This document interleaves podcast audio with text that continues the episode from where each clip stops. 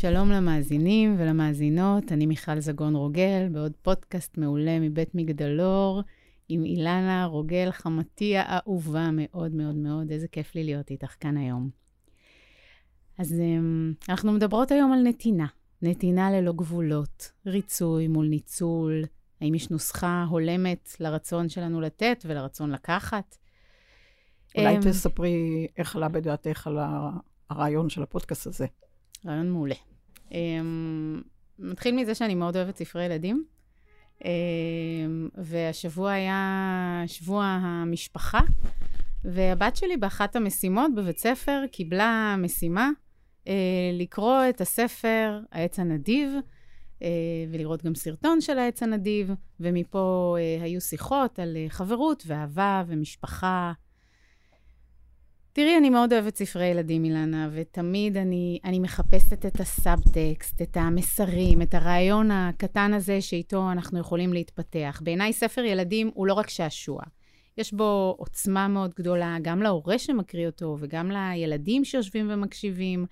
אה, ובגלל זה אני גם כותבת ספרי ילדים, כי בוער בי להעביר הרבה מסרים שאני חושבת שהם חשובים, אה, ואני תמיד אה, מדמיינת איך זה עובר לילד ואיך זה עובר להורה. אבל היום אנחנו מדברות, כמו שהתחלנו, על ספר הילדים שאני הכי לא אוהבת בעולם. זה ספר שנקרא העץ הנדיב. אני עד היום זוכרת את התחושה בבית ספר כשהייתי ילדה והקריאו את הספר הזה. זה העביר לי תחושה קשה של uh, התכווצות. Uh, לקחתי ישר את הצד של העץ המסכן הזה ואת התחושות שהוא עבר, כעסתי על הילד. אני אספר בקצרה על העץ הנדיב, לכל כן, מי שלא מכיר כן, את כן. הספר או ששכח. Mm-hmm. העץ הנדיב זה ספר ילדים מאוד מפורסם, הוא יצא לאור בשנת 64. Uh, הגרסה העברית שלו הוצאה על ידי הוצאת אדם ב-1980, יהודה מלצר תרגם אותו. Uh, ו- ולמי שלא מכיר או לא זוכר, עלילת הספר היא סובבת קשר בין עץ לבין ילד, כשבסיס הקשר הוא נכונותו של העץ להעניק ללא תנאי. אני אספר תקציר קטן מהתקציר של uh, ויקיפדיה. כשהילד uh, היה קטן, הוא שיחק עם העלים של העץ, טיפס על העץ, התנדנד על הענפים, אכל את הפירות של העץ. כשהוא היה מתעייף, הוא היה נרדם בצילו של העץ. וכשהוא גדל, הוא חדל לבקר את העץ לתקופה ארוכה. עד כאן הכל טוב, נכון? כל אחד חי את חייו והכל בסדר. אך כשהילד חוזר כנער מתבגר, מזמין אותו העץ שוב לאכול מתפוחיו ולהתנדנד על ענפיו, אך הילד רוצה כסף כדי לקנות דברים וליהנות, אז העץ מציע לו למכור את תפוחיו בעיר, וכך להרוויח כסף. הילד קוטף את התפוחים מהעץ כדי למכור אותם. ואחרי תקופה ארוכה הילד חוזר כאדם מבוגר, אבל לא עסוק מדי מכדי לטפס על העץ ולשחק בענפיו. והרצון שלו בבית, לעצמו, להקים משפחה, אז העץ מציע לו, תיקח את הענפים שלי כדי לבנות מהם בית. וכך עושה הילד, כורת את ענפי העץ ובונה לעצמו בית. והילד חוזר אל העץ פעם נוספת, כגבר בגיל העמידה, עצוב ומריר, הוא מבקש לעצמו סירה כדי לשוט בה למקום אחר. והעץ מציע לו לכרות את הגזע שלו, שהרי זה מה שנותר לו, כדי לבנות ממנו סירה. וכך עושה הילד. ומהעץ נותר רק גדם. וכמו במפגשים קודמים ביניהם, כשהעץ נתן מעצמו לילד, גם מפגש זה מסתיים במילים, והעץ היה מאושר. הילד מגיע אל העץ בפעם האחרונה כאדם מאוד סכן, והעץ אומר לו בעצב שלא נותר לו דבר לתת, כי כעת הוא רק גדם. אך הילד לא מבקש לעצמו דבר מלבד מקום לשבת ולנוח, ואת זה הגדם כמובן יכול לתת.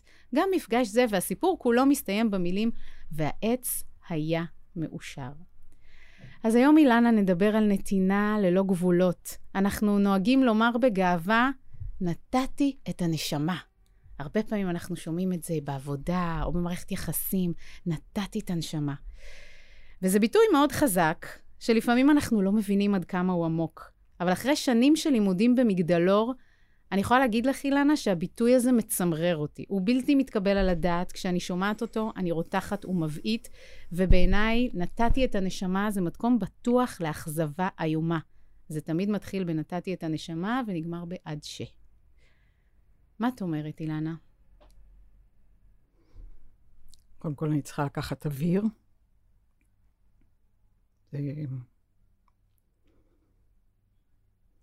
אנחנו עומדות מול uh, אנושות שבעבורה הנתינה זה תוכן uh, חסר גבולות, נשגב, עילאי, ולכן אני אומרת, בואי, בואי, באמת, אנחנו נגדיר את הפודקאסט הזה לכל הילדים בעולם, גם למבוגרים שיש בהם את הילד וגם למבוגרים מאוד שיש בהם את הילד. אז אה, בואו ננסה לפרוט את זה לגורמים. מהי נדיבות, מהי נתינה, מה בין מתן בין אדם לרעהו.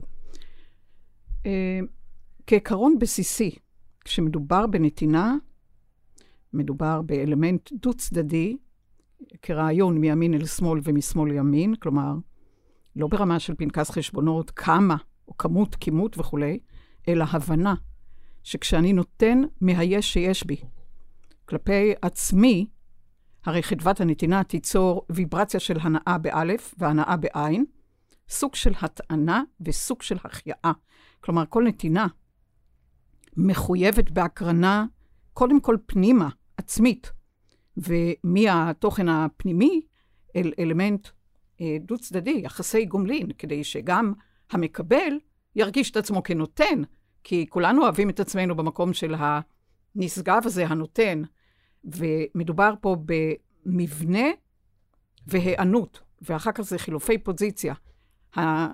זה שהיה בהיענות הוא על הבמה, והשני נענה לו. כלומר, יש פה באמת תוכן החייאתי, פעימתי, כתדר שאיננו חדל, כמו פרפטום מובילה כזה, שפשוט הזנה הדדית, אתה ורעך, רעך ואתה, מעצם יחסי גומלין. יחסי גומלין זה התוכן שמגדיר אהבה בקוסמוס.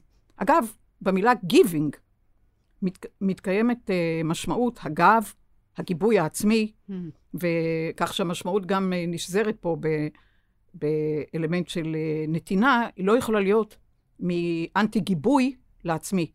כשאני שובר את גבי, אין לי מה לתת. כרעיון גם של עץ שאת סיפרת לי uh, בטלפון, שבמקור הוא מופיע כעצה. כתוכן נכון, נגבי. נכון, העץ, בספר האנגלי המקורי, כתב uh, הסופר את, ה, את העץ כאישה.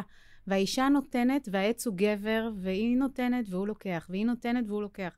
והמון קבוצות של פמיניסטיות בעולם מאוד התרעמו על הספר הזה, כי הוא באמת מחדד עוד איזה אספקט בחיים שלנו, שהוא מאוד מאוד לא פשוט. Mm-hmm.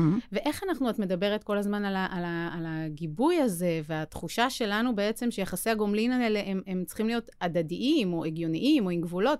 איך אנחנו יודעים?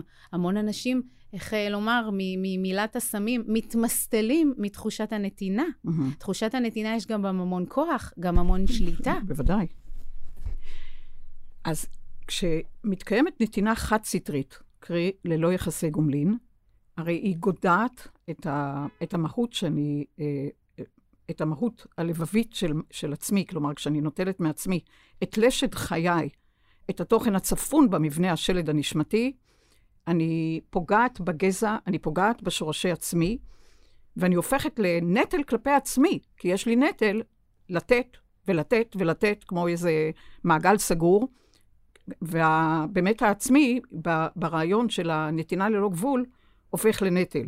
ואני אומרת, אוי לה, לנדיבות שכזו, שמפתחת קודם כל תלות הדדית. הנותן באופן חד-סטרי, זה הופך לסופר מניפולטיבי, כי הוא מכור לנתינה לאחר, וברבות מהמקרים, אה, זה כדי להיות חשוב ומכובד בעיני עצמי. כלומר, אם אה, אני נותן, סימן שאני גדול, סימן שאני וכולי, זה, זה התמכרות. נכון, uh, ואת רומזת לנו כאן שגם הצד השני נפגע, גם נכון, זה שמקבל. או בדיוק. זה דו-צדדי, הפגיעה היא פה, כי בד ובד זה... uh, הנותן מאפשר, זה מאפשר לו להשיג שליטה על האחר, כי הוא יתקשה לחיות בלעדיי, הוא יתקשה לחיות בלי שאני אתן לו. הוא כל הזמן יצטרך לחזור אליי, לחזור אליי, לחזור אליי, כדי שאעניק לו, שהעניק אותו. ולכן גם ב, ב, מעצם שני הצדדים, אה, נופלים קורבן למשמעויות האלה. את מזכירה לי, אילנה, שלא מזמן הייתה תוכנית בטלוויזיה שראינו על בני ה-35, אפילו פלוס, שחוזרים לגור בבית של ההורים כי, כי יותר נוח, וראו שם את הצד אחד שאומר, אני מקבל, סוף סוף אמא עושה לי כביסה, והיא מבשלת לי, ותמיד יש אוכל בבית, ולא צריך לעשות קניות, והכול נורא נוח, ו- ו- ורואים את שני הצדדים, יש כל כך הרבה מה להגיד על סיטואציה כזו. אז קודם כל, בוויתור על עצמי, אה, אם אני מוותרת על עצמי, אני כביכול יכולה, אם אני נוטשת את עצמי, אם אני מוותרת על עצמי, לפחות אני אחוש מצילה מעצם היותי מקריבה את עצמי כזבח וקורבן לאחר. כלומר, זה, זה סופר סופר מניפולטיבי.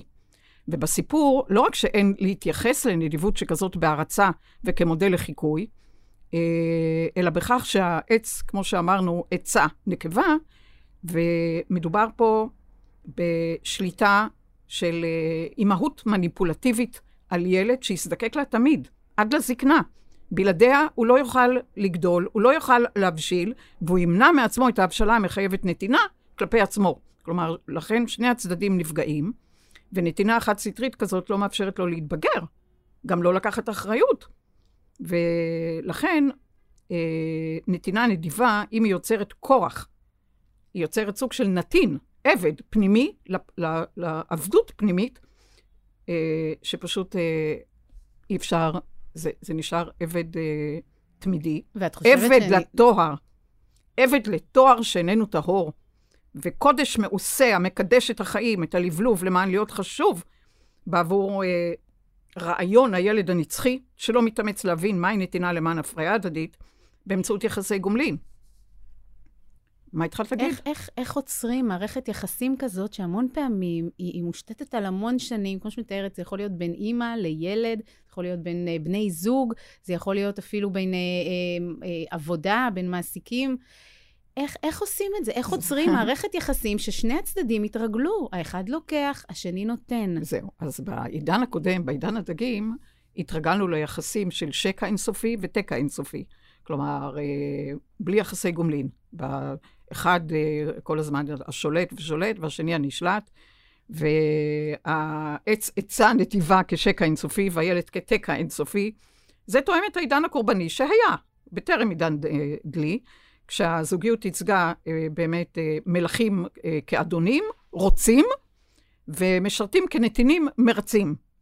ולכן בעידן הדלי היחסים האלה בלתי אפשריים, ומומלץ באמת למשרד החינוך.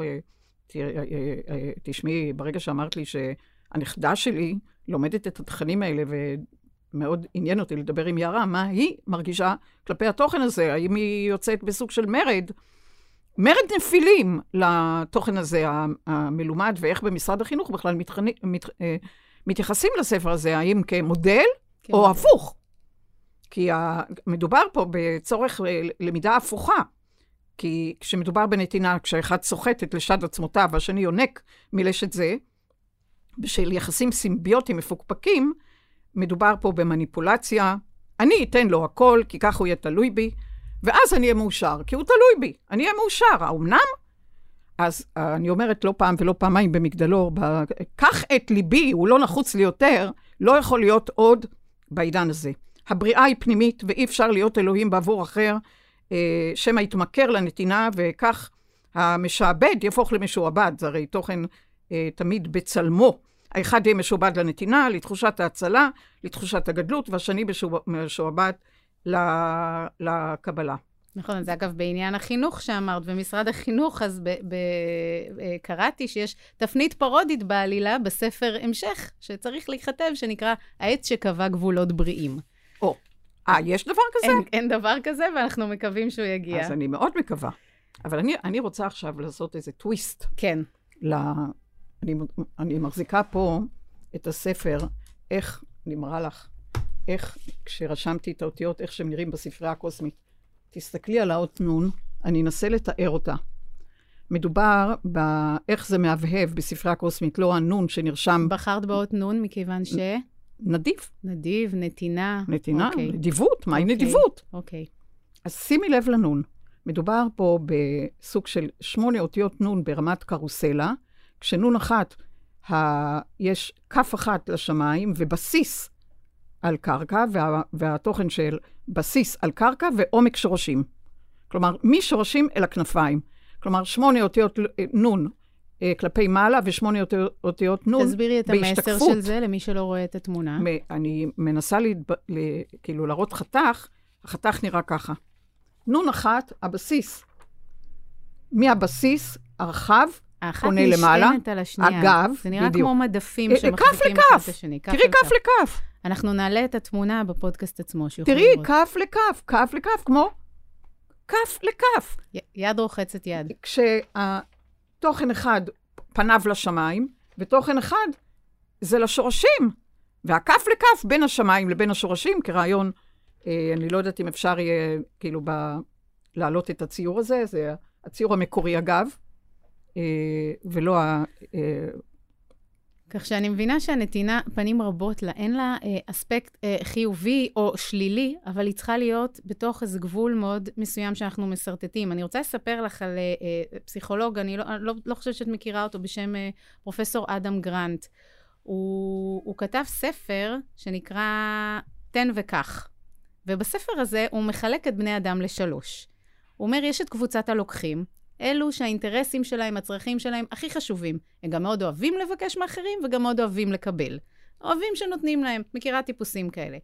מאידך יש את קבוצת הנותנים, אלה שכל הזמן חושבים מה אחרים זקוקים, איפה אני יכול להיות, מה אני יכול לתת. כל הזמן, בלי תלות בכלל במה הם מקבלים. ויש את הקבוצה השלישית, שזו קבוצת המשווים. הקבוצה הזאת פועלת על פי עקרון ההגינות, זאת אומרת, ההגינות הפנימית שלהם. הם תמיד משתדלים לשמור על שיווי משקל בין קבלה לבין נתינה. או במילים שלנו, הם שומרים על הגבולות. ופרופסור גרנט בעצם בספר הזה הוא בוחן את הדברים בסולם של הצלחה. מי בסוף מצליח יותר בחיים? זאת אומרת, זה שונה מהסולם שאנחנו במגדלור מדברים עליו, שהוא יותר סולם ההרגשה. אנחנו לא בוחנים את זה בפרמטרים של הצלחה. אבל הממצאים שלו מעניינים. מתברר שכשנתינה נעשית בגבולות, היא מעניקה לנו סיפור ומשמעות, אבל היא גם הופכת אותנו יעילים יותר ומצליחים יותר. הוא אומר שלא תמיד קבוצת הנותנים היא קבוצת נחשלת או פראיירית גמורה, כמו שאנחנו קוראים לזה, יש נותנים אלופים ויש נותנים עלובים. כשהבסיס, אה, הדרך להצלחה בעצם, הוא אומר, היא, היא לא תפיסת נתח גדול יותר מהעוגה, אלא הגדלת העוגה כדי שהפרוסות של כולם יהיו גדולות יותר. זאת אומרת שמגדילי העוגה המובהקים הם כמובן יהיו הנותנים. זאת אומרת, צריך לחשוב על, על, גם על עצמך, גם על אחרים, ולחשוב איך אנחנו עושים מין win-win situation, כמו שאומרים את זה באנגלית. אז מאוד מעניין אותי לדעת, א', אם יש לנו כאן איזו נוסחה כן, מנצחת, כן, וגם, כן. אה, יש לנו משמעות אדירה. וגם מה? וגם ברמת הפרקטיקה, אני... פרקטיקה, אוקיי. בואו נדבר ברמת הפרקטיקה, משמעות המהבהבת בתנודות אה, האותיות העבריות והמילים, המילים שהן אה, סוג, סוג של בריאה, ובאמת התחלתי, אני אומרת, אבל בואו ניקח את זה, בואו ניקח את זה על פי, ה, יאללה. על פי ה, הדרך. אז קודם כל, אה, מדובר, כשאנחנו רואים במילה נדיב, מדובר בתנודה שתיארת אותה היטב, בין להעניק יד למתי די. תנודה, נד, בין יד לדי. מתי להושיט יד ומתי להגיד לא מתאים כבר. כלומר, אם אנחנו נתבונן על הנדיבות באמצעות אה, באמת המשמעויות העמוקות שמתקיימות באלף בית העברי, אז באמת מדובר פה על הקרנה ברורה של נון אחת שמגדירה גב, והיד אה, פונה מימין לשמאל, ונון הפוכה שמגדירה גב, והיד משמאל לימין. כלומר, הם אה, כף לכף, כף לכף. זה סוג של גב וכיסא, כיסא וגב. כלומר, בכך מת, מתקיימת באות נון בבסיס, בהשתקפות כפולה, ראש למעלה, שורש למטה, היכולת לינוק ממים המרבים את האדמה, מאוויר צח מעל ומהעומקים שמאפשרים יחדיו צמיחה והתפתחות. כלומר, התפתחות עץ היא בין שמיים וארץ, וזה מאפשר לבני אדם לחסות בצילו כתוכן בסיסי, במבנה שתורם לטבע משותף, ליהנות מרעננות, ליהנות מהתחדשות העלים, לחוות את המעגליות בין עונות השנה, ליהנות מהפירות, גם אם הם אכילים וגם אם הם מאפשרים תצורות שונות של בריאה בכל מיני אלמנטים, ריחות וכדומה. כלומר, כשמדובר על הפריה הדדית, מדובר על uh, התחדשות ועל יחסי גומלין בין העץ לאדם ובין הבן אדם לעץ.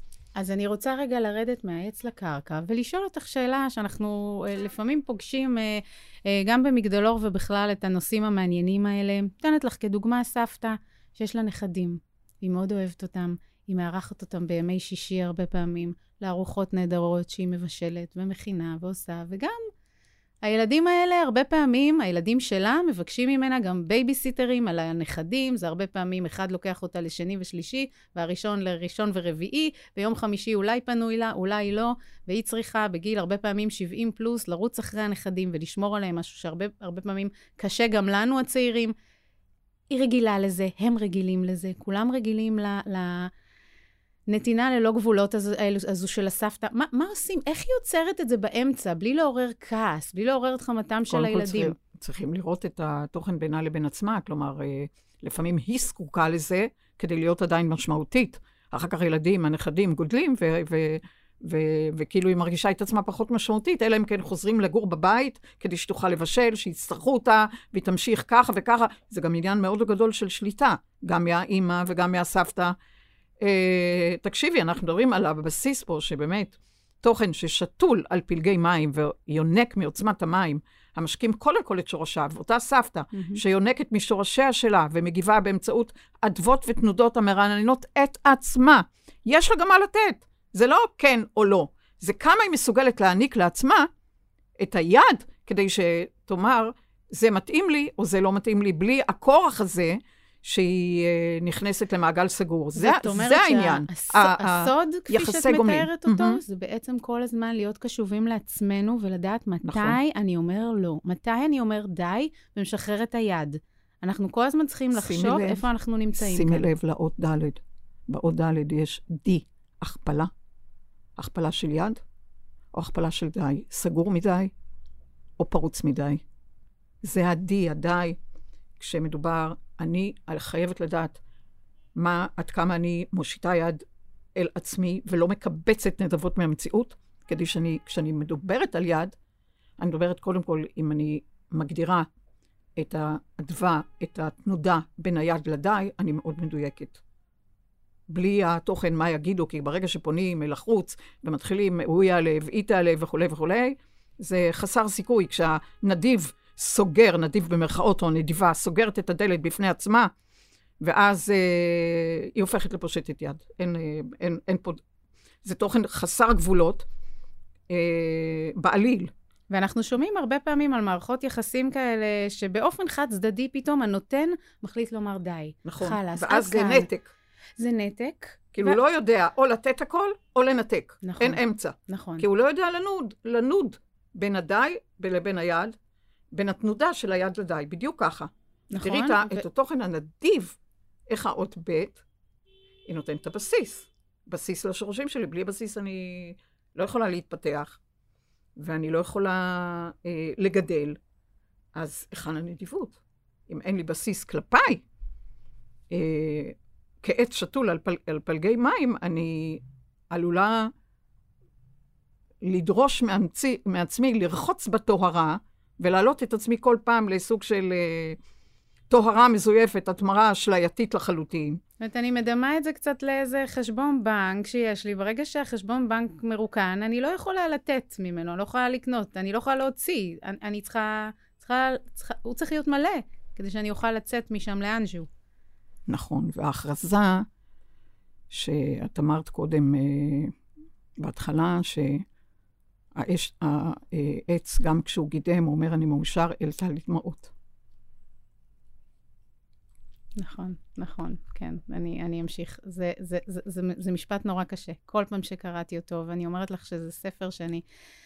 מגיל מאוד קטן באמת העלה בי דמעות, כי המשפט הזה, והעץ ב... היה מאושר, אתה רוצה לצעוק. כי זה עץ לו... שלא שר, זה עץ שמותיר את עצמו רש, בעוני עצמי, כלומר, הוא מייצג את דיבת הארץ, רחוק מזבת חלב ודבש. וזה סוג של אימהות אדמתית נוטשת שמכלה את מכורתה, מוכרת את ליבתה ונותרת חסרת כל, והיא מכריזה, אני מאושרת. וואו, קשה. קשה מאוד, קשה מאוד. ואת יודעת, אבל שאצל העץ, לפחות, היתרון שלו שרואים את זה עליו. את רואה שהוא נשאר גדם אחד יושב, עלוב ומסכן באדמה. אבל אצל בני האדם זה כל כך לא ניכר ולא רואים, ואנחנו רגילים אה, לחייך ולהסתכל לעולם ולהגיד אני מאושר, כי חייכו אותנו, חייכו, חינכו אותנו הרבה פעמים, כמו שאומרים, לא לכבס את הכביסה בחוץ, ו... ושומרים על החיוך הזה, כשמבפנים הגדם הזה של העץ הוא אצלנו, הוא נשאר בפנים, ואנחנו לא עוצרים להגיד, רגע, רגע, רגע, איפה אני? איפה אני נמצא, איפה השורשים שלי, מה אני נותן, מה אני מעניק מעצמי, איפה אני מרצה. לעצור את המרוץ הזה זה דבר שהוא מאוד מאוד רוצה. מורכב. ואיפה אני רוצה. אני, אני אומר שביום שישי, ב-18 לפברואר, יהיה פה בבוקר במגדלור על שאלות ותשובות, על, אתם יכולים לפנות לאתר, וגם אה, נפתח בתחילת... אה, מרץ, אה, קורס 42, כי אנחנו לומדים פה במגדלור את כל המשמעויות האלה בין לבין, מה קורה בתווך, בין התחלה לסוף, נכון. מה באמצע ומה המחויבות שלנו כלפי חוזי נשמה שרשמנו, כלפי העצמאות, העצמיות, אל מול אהבת לרעך נכון. כמוך. כלומר, כל נכון. המחויבות הזאת, אנחנו לומדים אה, ב-12 שיעורים, גם. בזום, אפשר לנסוע לחו"ל ולשמוע מכל מקום בכדור הארץ את השיעור, בין אם באותו זמן ובין אם למחרת, תלוי בשעות של, ה, אה, של אותה, אותה מדינה, וממש... אה, זה חיוני וזה מציל חיים, אין לי, אין לי מילה אחרת להגיד, המידע הזה, אילנה. אני יכולה להגיד לך שאני גדלתי בבית, אגב, נתינה, שגדלתי עם מונח שאני לא יודעת אם הרבה מכירים אותו, אצלנו היה מאוד שגור, המילה בלבוסטה. מילה מאוד מוכרת. אגב, לירון, הבן שלך לא הכיר אותה, הוא חושב שבלבוסטה זו אישה שמנמנה. הוא לא יודע מה זה אומר. אז הסברתי לו שאצלנו, בפולניה, כמו שאומרים, זה מבטא אישה שיודעת לתת תמיד. היא, האוכל אצלה תמיד יהיה על השולחן טיפ-טופ, היא גם תסדר את הבית. היא בדרך כלל גם לא צריכה עוזרת, כי היא יודעת לנקות את הכל לבד, היא יודעת לבשל, היא תעשה את הכל תמיד גם כשהיא לבושה טוב, היא נראית מצוין, ותגידי לה, וואו, עבדת נורא קשה על ארוחת ליל הסדר? היא תגיד לך, לא, לא מה לא פתאום, לא. היא לא... אסור לה להתלונן, הס מלהתלונן כמובן, היא גם בדרך כלל לא תבקש מאנשים להביא כשהם מתארחים, היא תמיד תכין את הכל, והיא כמובן גם תהיה אשת... עד שתקרוס. אשת קריירה, אשר זה לא חוכמה להיות בלבוסטה בלי שיש לך גם קריירה, והילדים מסודרים, הכל צריך להיות טיפ-טופ עד שהיא תקרוס, ואני יכולה להגיד שאימא שלי, שבאמת אה, הייתה אה, ותומים לבלבוסטה, ואני, אם לא הייתי מגיעה למגדלור, כנראה שהייתי הופכת להיות בלבוסטה בדיוק כמוה, אה, וברבות השנים היא חלתה בסרטן שד. וגם היא הגיעה לכאן למגדלור והבינה, הבינה את המשמעות הכל כך גדולה הזאת של הנתינה ללא גבולות. נתינה ללא גבולות עד שאת במקום האחרון, שחלצת את השד שלך מטאפורית והנקת את כל העולם, ולא את עצמך. זה, זה משום שאם אין לך את עצמך ואת לא מצליחה לאהוב אותך, את לפחות צריכה להתאמץ שיאהבו אותך, כי אולי אם תתני, אז לא ינטשו אותך. כלומר, את הנוטשת העיקרית, עכשיו תתני ותתני ותתני, כדי שמאן דהוא או תוכן אחר, הוא, אה, בכך תשיגי את האנטי-נטישה. זה לא פשוט. שתינו דומעות. אני חושבת על זה עכשיו, אימא שלי עברה כריתת שד, שה... סליחה, שהגדם הזה של העץ, הגדם הזה של השד, הם... כן. שתינו דומעות. מתחברים מאותו מקום. שתינו, באמת, אה, זה לא פשוט אה, לדבר על המשמעויות האלה, בגלל שאפשר, באמת, כמו שאמרנו, זה אה, פודקאסט שמוקדש לכולנו, לכולנו בכל גיל, זה ילדים ובכל גיל. ו... זה קשה כי אתה נמצא בחברה שמאוד מעודדת נכון. את זה, מאוד מעודדת את זה, את ההקרבה, את הנתינה, את התתנדבו כל הזמן. יש תיאוריות בפסיכולוגיה של האושר שאומרים לך שהתנדבות זה הפתרון להכל. ברגע שתעשה את זה, אז באמת חייך יהיו מאושרים. ונורא קל ללכת לאיבוד במקום הזה של לתת ולצאת גיבור, אה, שמציל את העולם ומציל את מי שסביבך, ותמיד נמצא שם לרשותו, ומקבל כל הזמן פידבק חיובי על מה שאתה נותן. זה מרוץ שהוא מאוד מאוד אה, לא, לא פשוט לרדת מהעץ, אם, אם כבר התחלנו בו. אז אה, נקווה לעורר כל אחד את אה, נדיבותו ונתינתו כלפי עצמו, ובכך יהיה לו מה לתת. ומעצם התנודה בין, אה, בין היד לדי, עם כל המשמעויות. ובאמת, אני רוצה לומר שכשאת פנית בנושא הזה, מיד uh, השתקפו האותיות, עד כמה באותיות העבריות ובמילים ובמשמעויות. uh, יש uh, הבהובים ותנודות ויחסי גומלין שפשוט uh, בין אות למילה, ובאמת... את רוצה אני... להגיד לנו שזה כתוב, הכל כתוב, פשוט שימו לב, כרעיון, צריכים... אה, פשוט... את יודעת אה, שגם במטוס זה כתוב, כשאת יושבת במטוס, ההנחיות אומרות לך שאם קורה מקרה חירום, תדאגי קודם כל לעצמך. אסור לך לשים מסכת חמצן לילד שלך, גם אם הוא תינוק. כי הוא לא ישים לך. קודם כל תדאגי לעצמך, ואחרי שתסיימי עם זה, את יכולה לדאוג לסביבה. מדהים. אומרים לנו את זה תמיד. אז uh, אתם מוזמנים גם ליום שישי וגם uh, לקורס במגדלור. זה קורס אה, מרתק, הוא, יש, הוא ממש, הוא ב, בזמנים של פסח, של... אה, שלא לפסוח על עצמנו, והחירות, והאחריות, ויום העצמאות, והעצמיות, והזיכרון, כל אלה שצריכים לזכור מי הם ומה הם, והקורס נוגע בהגדלת מפתח הזיכרון בחומר, וכן ירבו. אז, אה, אז ממש תודה, ותודה על הנושא, מיכל. אין על מה, אין על מה. ואני רוצה לתת טיפ קטן שקראתי עליו אה, לכל מי שמרגיש שהוא נורא רוצה לתת או לעשות משהו טוב, אבל עדיין לשמור בגבולות שלו. אז אדם ריפקין, שהוא יזם מצליח מעמק הסיליקון, הוא המציא רעיון נורא חמוד, וקוראים לזה טובה של חמש דקות. טובה של הנותן השקעה היא, היא, היא השק... נתינה בעצם קטנה, אבל המקבל היא משמעותית. ריפקין אומר שבחמש דקות אתה יכול לעשות הרבה דברים. לבדוק מוצר, לקרוא הצעה, לתת משוב למישהו, לתת לו טיפ טוב, להכיר בין שני אנשים שאתה חושב שיכולים להסתדר, או להמליץ על איזה אדם, או לשתף משהו ברשת, והוא הגדיר לעצמו מטרה. לעשות שלושה חיבורים בעלי עניין בין אנשים ביום, לא לעבור את החמש דקות, וזאת הדרך שלו, והוא הוביל רבים ואחרים ללכת בה, לתת, אך לא לאפשר לנתינה שלו להשתלט על הזמן שלו, ועדיין להמשיך לקדם את מה שחשוב לו. מעניין, לא? מעניין מאוד. אז uh, באמת תודה רבה, ו... ושנדע להגיד לא. נכון. בלא, אנחנו תמיד מדברים על עברית שמכילה את החומר והאנטי-חומר, את שני צידי מטבע. יש אלוהות, אל, האלוהות הפנימית, המטריארכלית, ובחומר צריכים לדעת מתי לא. מדהים. האל והלא. מדהים. הפנימי. בדיוק. אף פעם לא החיצוני. נכון. אף פעם לא מגלומני, תמיד פנימי. כי אין לי מבפנים, אני צריכה שמישהו ימלא אותי, שמישהו ייתן לי. ואם אני לא יודעת להגדיר את המילוי העצמי, אני אחפש שקע. את יודעת, יהיה כתוב, אה, שקע מחפש תקע. ואין מה לבוא ולענות, שקע מחפש תקע. אני כל כך אוהבת את המטאפורה שלך של שקע ותקע, ואני רואה אותה כל כך הרבה פעמים. שקעים באטמוספירה, מחפשים תקעים, התקעים יבואו לשקעים. כי אם אין אה, שקע והבן אדם ברור לעצמו, גם התקע יכול להסתובב, אבל לא, לא ימצא נכון. לאן להתחבר. ולכן אומרות נשים, אני הרבה פעמים מוצאת אותו בן זוג. כבר התגרשתי, כבר עזבתי, נכון. כבר החלפתי, והגיע בול אותו דבר, אותו אחד, ש... הש... השקע שלי. נכון. אז, אה, אז לגמרי. אז תודה, תודה, תודה לכולם, באמת, תודה. תודה רבה, אילנה, איזה תודה. כיף שיש לי אותך. תודה, הדדי. תודה. אוהבת אותך, ביי. גם אני.